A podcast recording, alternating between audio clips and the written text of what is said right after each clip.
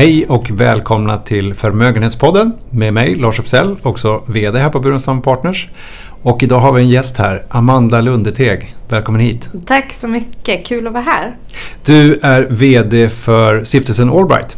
Det stämmer bra. Eh, vi ska komma in på stiftelsen Allbright alldeles strax. Men jag tänkte att du skulle... Vi kommer ju prata idag om jämställdhetsfrågor kan man säga. Och eh, när vi har samtalat lite grann, vi kommer att prata om Allbright. Så du har lovat här att i slutet också ge mig lite tips på vad vi ska tänka på här på Burenstam Partners. Absolut, det känns ju väldigt centralt när jag är här. Ja. Eh, du, Amanda, om vi börjar med Vem är Amanda Lundeteg? Eh, ja, vem är jag? Jag är en person som faktiskt eh, hade mitt eh, jämställdhetsuppvaknande ganska sent. Det är inte så att jag liksom alltid haft koll på de här frågorna. Utan eh, jag blev medveten om att jag nog inte kommer ha samma möjligheter i karriären som eh, män när jag pluggade på universitetet.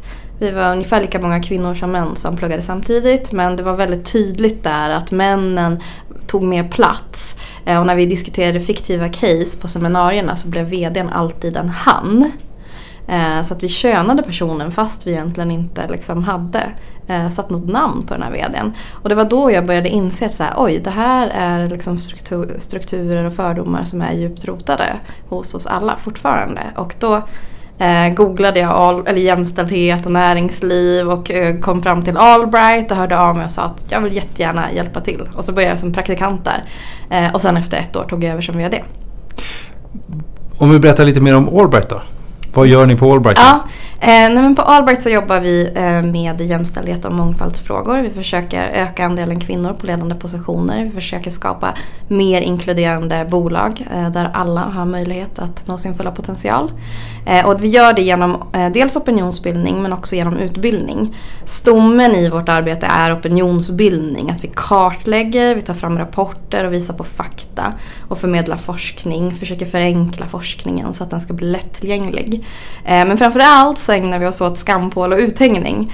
Eh, så I våra rapporter så har vi olika listor och så placerar vi alla liksom förebilder, alla jämställda bolag på en grön lista. Försöker lyfta dem så att eh, alla ska kunna bli inspirerade.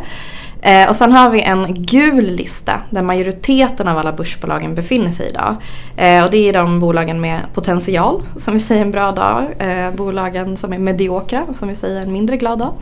Eh, och här är bolagen då som har åtminstone en kvinna i ledningsgruppen men som inte når upp till jämn könsfördelning. Eh, och sen har vi då vår röda skämslista med alla bolag som helt saknar kvinnor i ledningsgruppen. Eh, och i dagsläget så är det en femtedel av börsens bolag som inte har en kvinna i ledningsgruppen. Du säger skampåle men ni rosar ju då de bolag som, eller ger, ger ros till de som gör det bra också. Ja, verkligen. Och vi delar ja. ut Allbright-priset varje år eh, till det bolaget som har gjort så betydande insatser när det kommer till jämställdhets och mångfaldsarbetet. Så vi försöker liksom, ja det är både piska och morot. Du, eh, och ska vi nämna hur ni finansieras? Ja, Eh, vår grundare Sven Hagströmer är eh, generös och ger oss en gåva varje år. Eh, sen så har vi också det här utbildningsbenet som faktiskt kom. Eh, det var egentligen inget som var planerat från start utan efter några år när vi hade hängt ut bolagen så började vdarna höra av sig till oss och sa hjälp oss då, hur ska vi bli bättre? Och vi sitter ju på massa liksom, forskning och kunskap så vi gick ut och började prata om det här, hålla workshops, föreläsningar och det finansierar oss eh, liksom resten av verksamheten. Vad bra. Du eh, kommer in som praktikant och efter ett år har du tackat ja till ett vd-jobb. Hur eh, kommer det sig att du vågar hoppa på någonting sånt? ja precis, det skulle jag inte göra idag. Eh, jo, nej, men jag, eh, det, det, första jag gjorde när jag började på Allbright det var att starta en blogg. Eh, där jag intervjuade personer som hade mycket mer kunskap och erfarenhet. Alltså olika eh, jämställdhets och mångfaldsexperter, forskare, eh, VDR, eh, chefer i näringslivet och liksom samlade på mig deras eh, tips och trick på hur man kan göra karriär. Eh, och då fick jag bland annat ett bra tips som var att liksom tacka ja och fundera sen. Det är bättre än att liksom börja gå och fundera och så kanske man tycker att någonting känns svårt och så tackar man nej. Tackar man ja och bara kör då kan man ju alltid ändra sig. Men då ökar i alla fall sannolikheten att du kommer göra det där som du eh, åtog dig. Eh, så att när jag fick frågan om jag ville ta över som VD så var jag väldigt snabb på att tacka ja. Eh, sen så några veckor efter det skulle jag eh, försvara vår eh, nya rapport i media. Och jag hade liksom nog tänkt mig mera det här att jag hade inte tänkt på den här talespersonsbiten utan mer liksom att leda organisation och liksom verksamhetsutveckla och så. Eh, så då blev jag svinskraj och gick till eh, Sven, vår grundare och Mikaela, vår ordförande då och sa men det här tror jag inte jag kan göra. Det här kanske någon annan kan göra. Mm. Och då var de väldigt tydliga med nej, nu är det du som är ansvarig för organisationen så du får göra det här. Du, det gör inget om du misslyckas. Du kommer få så många chanser att lyckas. Så att nu är det bara att köra. Eh, och det hjälpte mig verkligen, den inställningen att liksom man får testa och lära sig längs vägen. Och för de som inte vet det så verkar det gå ganska bra. Du vart ju också 2016 tror jag det var, va, utnämnd till, av TCO som mest... Nummer ett på listan över framtidens mäktigaste ledare. Framtidens mäktigaste Och det är ledare. jätteskönt tycker jag att det är framtidens. För det betyder ju att jag liksom, jag är kanske inte där än. du är förmodligen redan där eftersom du var nummer ett också. Du, du nämnde här att intresset vaknade någonstans i, på universitetet om jag förstod det rätt. Var, var, ni, var ni många som hade det intresset eller var det någonting som just du eh, fastnade för? Nej, det jag kände mig nog... Eh, jag vet att det var en person till som liksom um, var lika engagerad som jag i de här frågorna. Men jag upplevde absolut inte att det här intresset fanns bland mina liksom, medstudenter. Um, så att uh, jag blev nog stämplad ganska tidigt där. Ehm, okay. men men det, det, för mig blev det ju lite som att komma hem då när jag hittade Albright. För då hade jag min eh, ekonomiutbildning och eh, det var liksom inte så många andra som brydde sig om de här frågorna när jag pluggade. Eh, och på Albright så fick jag ju liksom verkligen användning för mitt intresse för jämställdhet och mångfald och att vara ekonom. Eh, så att jag har, ja, det känns som att jag eh, landade rätt där. Eh, bra, men om man frågar dig nu. nu har du, då brann du igång där på universitetet. Nu har du jobbat mycket mer med frågorna och kanske har breddat synen på det. Eh, vad, när du, om du reflekterar idag på frågan vad, vad, varför är det viktigt att jobba med den här jämställdheten? Mm. Eh, nej men först och främst så handlar det om att människor inte ska diskrimineras på arbetsmarknaden. Att det ska vara rättvist, att eh, alla ska eh, kunna nå sin fulla potential. Eh, men sen så ser vi också nu eh, att det kommer så mycket studier som visar på affärsfördelarna med jämställdhet och mångfald. Man har bland annat sett en jättestor studie eh, som visar på att bolag som har minst 30% kvinnor i ledningarna har visat upp till 6% högre vinster. Eh, och det finns också studier som visar väldigt tydligt på att bolag som har en högre mångfald eh, presterar bättre än bolag med en lägre mångfald. Och att det, liksom, innovationen blir större, det blir mer dynamiskt. Eh, så det finns massa, massa fördelar som allt fler VD faktiskt börjar förstå tycker jag. Ja, det måste ju vara det. Vi får ju utnyttja hela potentialen av världens befolkning egentligen om vi använder båda den andra halvan också. Ja, men, ut. Exakt, och det säger sig självt att eh, vi har ett arbetsliv idag som är väldigt starkt präglat av att du ska, ha, du ska känna människor, det är så du får jobb. Det är genom kontakter, eh, genom liksom vänskapskretsar. Eh, vi människor tenderar också att spegla oss i varandra. Det är väldigt lätt, alltså jag gör också den missen att man rekryterar någon som påminner om en själv, som man har liksom bra snack med, det går snabbt. Eh, och, och det där gör ju att det inte alltid blir den som är mest kompetent som hamnar på rätt plats. Eh, och då är det klart att så här, om vi eliminerar de här faktorerna, om det istället skulle vara så att det var meriter som fick avgöra och bolagen blev mer meritokratiska så är det klart att då blir det också mer lönsamt. Så mm. det är inte helt liksom, ologiskt att det kommer studier som visar på det här. Eh, tror du, eller du kanske vet skillnaden, men tror du att män och kvinnor ser på jämställdhet på samma sätt? Ehm, jag, jag tror att, ehm, eller det man ser i undersökningar är ju att kvinnor är mer benägna att se diskriminering på arbetsplatsen. Eh, när man har frågat då om liksom, upplever du att det finns diskriminering på arbetsplatsen så är det betydligt färre män som ser det. Och jag tror att liksom, kvinnor och minoriteter, har, blir du utsatt för diskriminering så känner du det, du ser det. Om du utgör normen så är det nog mycket, mycket svårare att se att andra blir utsatta för det. Mm. Um, så att ja, vi har nog liksom olika upplevelser av det. det några andra skillnader sådär med utbildningsnivå eller ålder, generationer?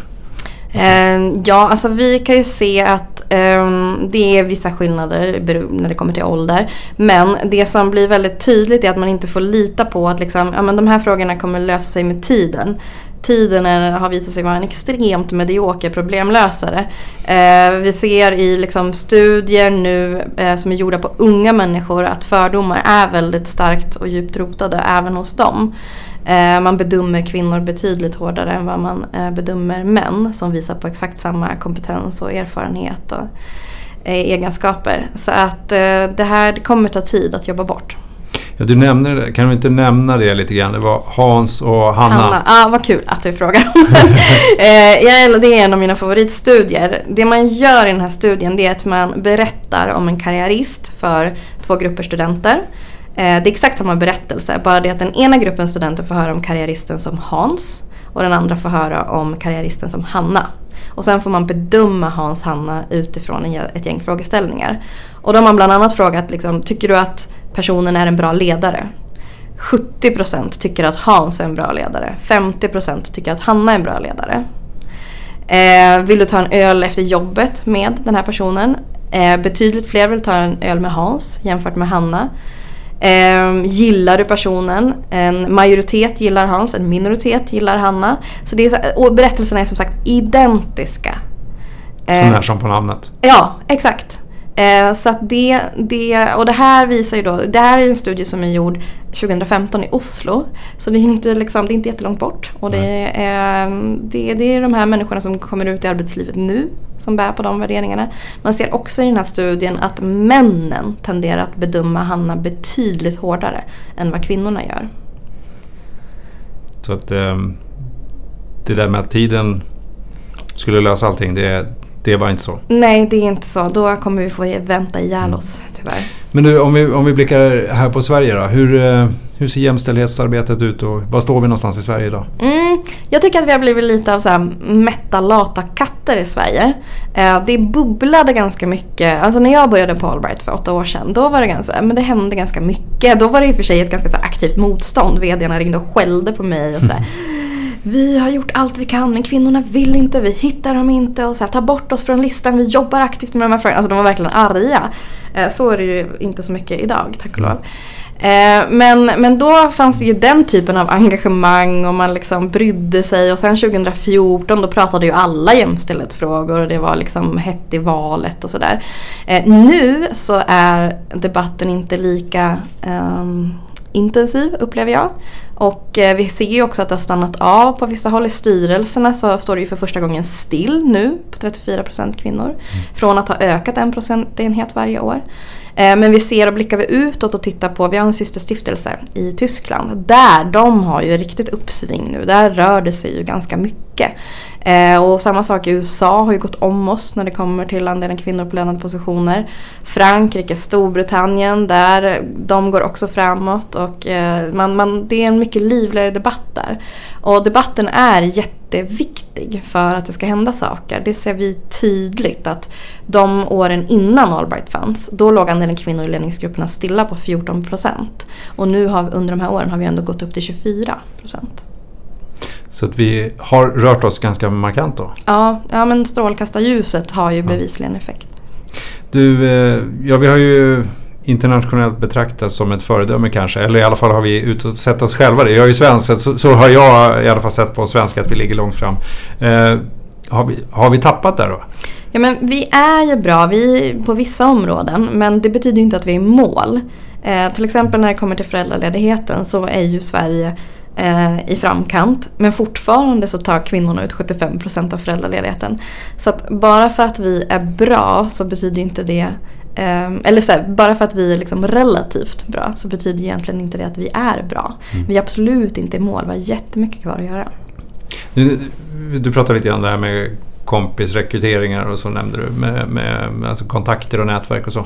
Men är det det eller finns det andra saker också som hindrar kvinnor från att nå toppen? Eller mm. vill de inte nå toppen? Eller vad, vad är problemet? Det man ser är att kvinnor uttrycker i samma utsträckning som män till sina chefer att man vill avancera eh, men man får inte chansen. Och det handlar jättemycket om det här. Men Hans Hanna-studien, vi har fördomar. Kvinnor blir bedömda hårdare, det är mycket svårare att eh, bli befordrad och rekryterad.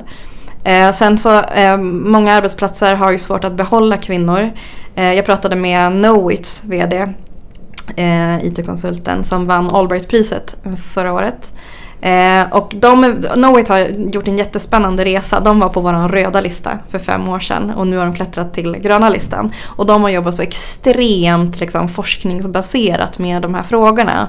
Riktigt målmedvetet och de är väldigt öppna och transparenta med de misstagen som de har gjort. Ett sånt misstag var att de började rekrytera in kvinnor på ledande positioner. Men de hade inte jobbat med kulturen. Så att de tappade kvinnorna.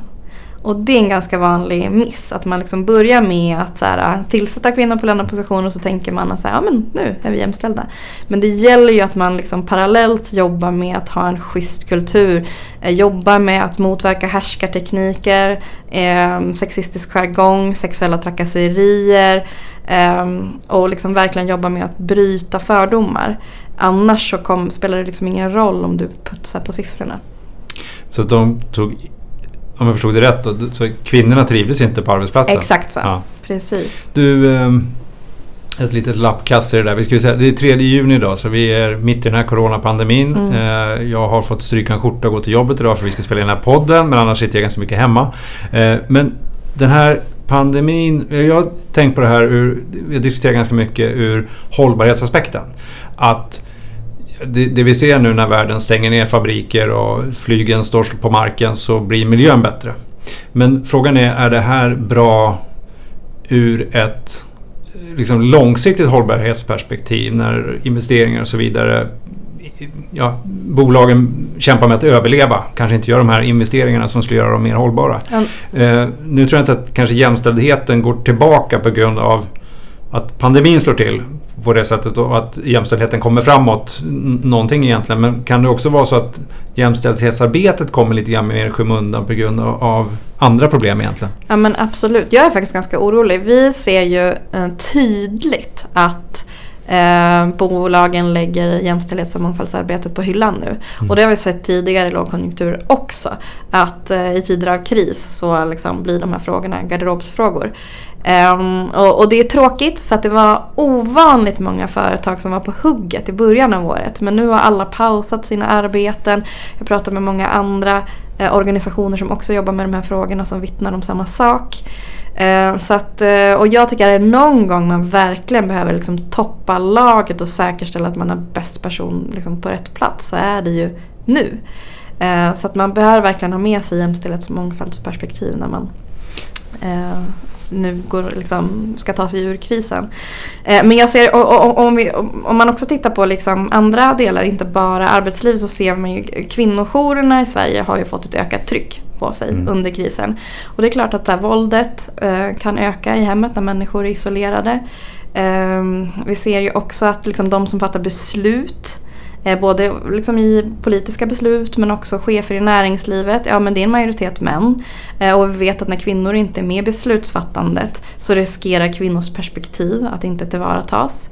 Eh, så att det finns ju, liksom, jag tror att med corona, alltså det finns absolut risk att vi kommer ta steg tillbaka under den här krisen. Mm. Eh, vi får hoppas att det inte blir så att vi får ladda batterierna och komma tillbaka ännu starkare. Eh, du, jag tänkte vi skulle gå in på de här tipsen till mig. Mm. Eh, och det är lite... Eh, vi har ju utmaningar. Vi, vi, har ju en ledningsgrupp som är jämnt fördelad. Eh, och vi ska nämna det innan förresten, för jag tänkte på det när du sa det. Jag tror inte att vi har nämnt det i podden, men när ni pratar om jämställdhet, som jämställdhet, ni är ju emot kvotering.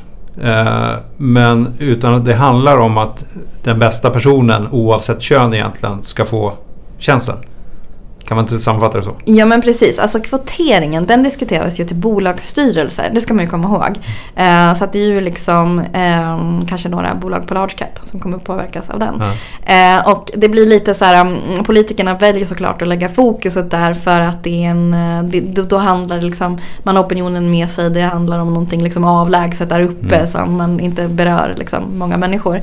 Eh, det jag skulle vilja se är ju att man fokuserade mer, alltså från politiskt håll då, på föräldraförsäkringen är det någonstans man liksom bör kvotera så är det ju föräldraförsäkringen. Lika många dagar till vardera förälder. Det kommer liksom få sätta fart på jämställdheten i det här landet. För vi ser ju att det är i familjebildande ålder som kvinnorna faller ifrån. Eh, så jag tycker att det blir lite fel fokus när man liksom, eh, tror att så här, kvotering ska lösa jämställdhetsproblematiken på arbetsmarknaden. Mm. Och innan vi går tillbaka till mig och, och mina frågor. Ja. eh, så också du är inne i liksom, det med att tolka på det när jag har lyssnat på det så är det så att styrelsearbetet är egentligen en konsekvens snarare, eller liksom ett symptom. Problemet är egentligen ledningsgrupper. Kan man säga så?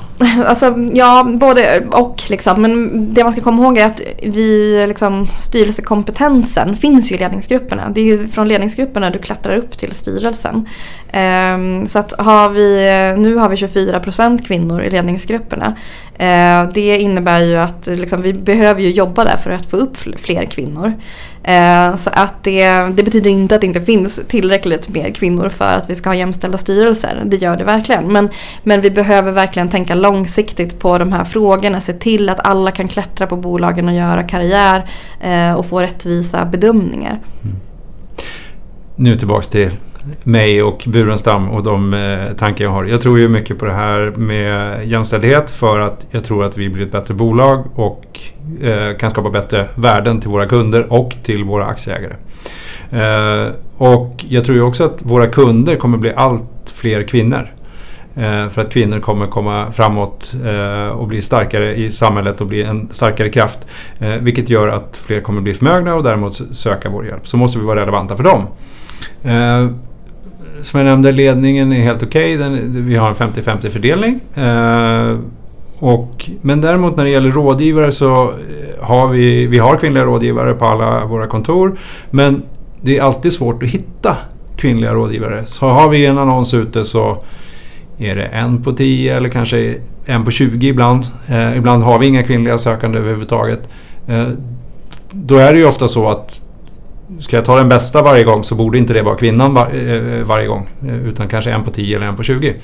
Eh, hur ska vi göra för att hitta kvinnliga mm. sökanden mm. generellt. Du, du nämnde det förut att jag, jag, är inte den här arga som ringer och skäller då. Nej. Men jag har inte hamnat på någon lista för jag har inte noterat bolag. Men, men, men jag är fortfarande lite frågande till det. Ja, men och det här är ju ett jättevanligt problem. Och de bolagen som vi har sett som har liksom klättrat på våra listor, som har gått från ojämställdhet till jämställdhet.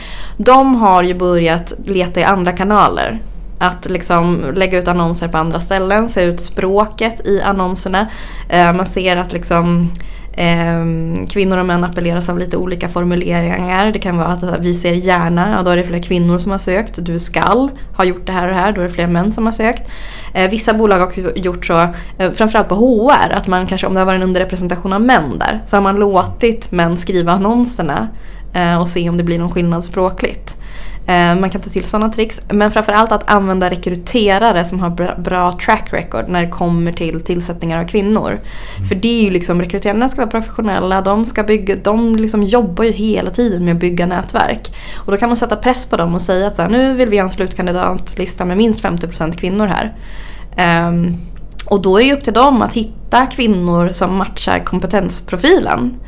Eh, annars gör ju inte de sitt jobb. Och det är väldigt stor skillnad skulle jag säga mellan hur bra rekryterare är på de här frågorna. Så att, eh, det gäller sig att vända sig till de som kan. Mm. Det var ett eh, bra tips eh, till och med det. Eh, nu tror jag att vi har kvinnliga skribenter på några annonser. Men vi kan, kan nog fundera på forum och sådana saker också. Ja. Men nästa då, och då tänkte jag tillbaka till det du berättade om det här IT-konsultbolaget. Mm. Eh, att man rekryterade chefer och så trivdes de inte och så slutade de eh, den enkla vägen. Eh, jag tror att vi har en utmaning också att om du tar Hans och Hanna historien då med att vi alla sitter med de här förutfattade meningar. Vi uppfattar en person karriärmässigt då olika. Jag tror att förutfattade meningen finns också hos kunderna. Så att när de träffar en rådgivare så är det mest män som jobbar som rådgivare och då har man förväntningarna på det. Och man ställer lite olika krav på kvinnor och män. Vilket gör kanske att kvinnor behöver agera lite annorlunda. Eh, hur kan vi stötta de här kvinnorna så att de trivs? Både företagskulturmässigt naturligtvis men också eh, i rollen. Kan vi, kan vi göra något liksom för att underlätta så att de också trivs och kommer in i rollen på ett bra sätt. Mm, jättebra att du tar upp det här för att det här är liksom sånt som jag tror att många ser men det är lite svårt att prata om eller kan vara det. Eh, men eh, där gäller det ju liksom att eh, vara tydlig med kvinnorna att så här, ni ser det här. Att bekräfta dem i att här, vi ser vad det är som händer. Kunderna bemöter er olika. Eh, och att eh, jobba med eh, framförallt männen då i liksom, uppdragen att så här, eh, se till att så här, lämna plats, ta steg tillbaka. Eh, gärna liksom också kanske utmana era kunder. Markera i möten om det är så att eh, kunden liksom bara tittar dig som man i ögonen och inte tittar på kvinnorna. Eh, liksom försöka att hela tiden referera och bekräfta tillbaka till den kvinnan som har pratat så att hon inte blir dekapad. Eh, Mm. se till liksom också att alltså, det är inte kvinnorna som ska se till att det finns liksom, fika på bordet och så här, öppna dörren eller springer och hämtar papper om någon välter ut kaffet. Alltså, så här, alla de där små sakerna är så himla viktiga markörer. Eh, så att, eh, att tänka på sådana saker. Och framförallt att eh, ja, men, så här, jobba kunskapshöjande på bolaget. Så att det blir tydligt för alla att så här, de här strukturerna finns eh, och vi måste alla, alla jobba med att liksom, här, stå upp för varandra och visa civilkurage i olika situationer. Det viktiga är att inte lägga problematiken på kvinnorna. Eh, det är ett vanligt misstag som många har gjort förr. Att man så här, skapar kvinnoprogram och så ska kvinnorna sitta och prata om så här, hur, varför man inte gör karriär. Och presentera tips för sina liksom, chefer om så här, vad, vad, vilka typ av utbildningar de behöver. Och då har det varit allt från att så här, lära sig prata med sin basröst och man ska liksom, bli bättre på att förhandla och skaffa skinn på näsan och bli tuffare och sådär. Och det där det har inte lett till ett skit liksom. Alltså det har inte hjälpt. Det, det är bara att göra jämställdheten en björntjänst. Eh, utan det handlar ju om att man måste jobba med eh, liksom både män och kvinnor. Alla medarbetare, alla chefer. Jag tror ju kvinnor som rådgivare, om det är potentiella rekryterare eller som, som vi skulle kunna jobba hos oss så ska jag slå ett slag för att kvinnor i den här branschen tror jag har mycket att vinna. För att mycket handlar ju om att få fram kundernas behov, alltså samtala med kunderna. Eh, så att eh, jag tror verkligen att kvinnor eh, har en väldigt viktig roll att fylla i, i den här yrkesrollen.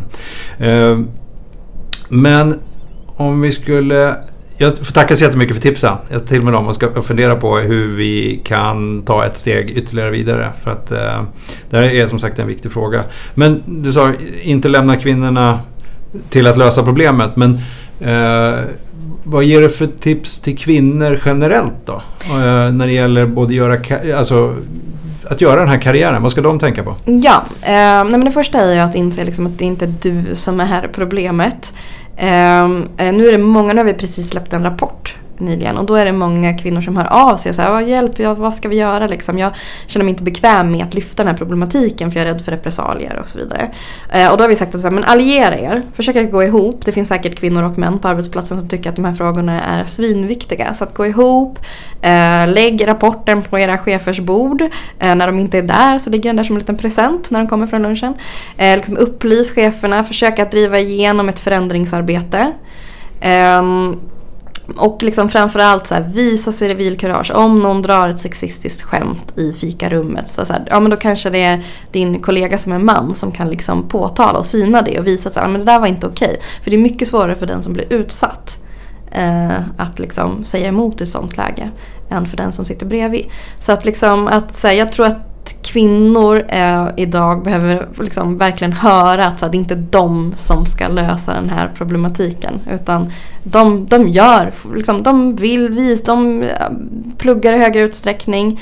Eh, jobbar på, liksom, precis som männen på sina arbetsplatser men är missgynnade på grund av liksom, fördomar och kompisrekryteringar. Och det är väldigt viktigt att ha kunskap om just det här med företagskultur som det ändå handlar om tycker jag det är allas ansvar. Jag tycker eh, inte att det ska läggas på en chef att eh, hellre ta det. Chefen har också naturligtvis ett ansvar som en anställd eh, och kanske lite mer ansvar men, men jag tycker alla har ett ansvar att säga till när det är någonting som inte är okej. Okay. Män Absolut. och kvinnor. Det tycker jag är viktigt. Du, det var bra. Men vi, ska in, vi har eh, två frågor hinner vi till. Eh, om vi börjar med FN, Agenda 2030. Det är tio år kvar. Eh, det är 17 mål, vi ska uppnå en av dem är jämställdhet. Kommer det att gå? Vi ser ju ut att missa målet så som det ser ut just nu. Tusen män måste bort för att vi ska nå jämställd representation i liksom, eh, ledande positioner i näringslivet i börsbolagen. Då. Eh, så det är ju ganska många. Eh, men det vi ser är ju att VD-kvinnor tycks vara en liksom bra nyckel för att snabba på jämställdheten. VD-kvinnorna de har i genomsnitt 47% kvinnor i ledningsgrupperna medan VD-männen bara har 21% kvinnor i ledningsgrupperna. Eh, så att jag tror att ju fler kvinnor vi får på sådana här nyckelpositioner desto snabbare kommer det gå. Eh, och det där apropå rekrytering då, uppenbarligen så går det ju liksom hittar VD-kvinnorna andra kvinnor. Eh, så att någonstans finns de ju. Eh, men, eh, så det gäller att liksom ha koll på sina nätverk. Jag måste hitta en kvinna som kan hjälpa mig att hitta de kvinnliga medarbetarna helt enkelt. Eh, nu är vi inte ett börsnoterat bolag ska jag säga heller. Men, och inga ambitioner att bli heller. Men Eh, om vi tar den sista frågan då. Om du liksom tittar in i kristallkulan. Hur liksom ser den närmsta framtiden ut nu? Eh, ja men den närmsta framtiden tycker jag, eh, det ska bli väl, nu börjar vi den här veckan och samla in data till vår nästa rapport där vi kartlägger alla börsbolag. Eh, så det ska bli otroligt spännande att se eh, nu hur liksom corona, när, folk har, eller när bolagen har varslat, eh, om det har påverkat eh, könsbalansen. Eh, väldigt eh, spännande med nästa rapport som vi släpper i höst. Um, och um, ja, sen hoppas ju jag att många bolag ändå uh, kommer igång med sitt jämställdhet och mångfaldsarbete till hösten. Att vi inte tar steg tillbaka. Vi får fortsätta jobba och ni med den och ni som sitter i beslutsfattande position där ute. Eh, behöver ni hjälp så finns Allbright där och kan hjälpa till va? Absolut, det gör vi gärna. Ja. Det får bli slutorden för idag. Jättestort tack till dig Amanda för att du tog dig tid. Och tack till er lyssnare för att ni har lyssnat. På återhörande längre fram. Hej då!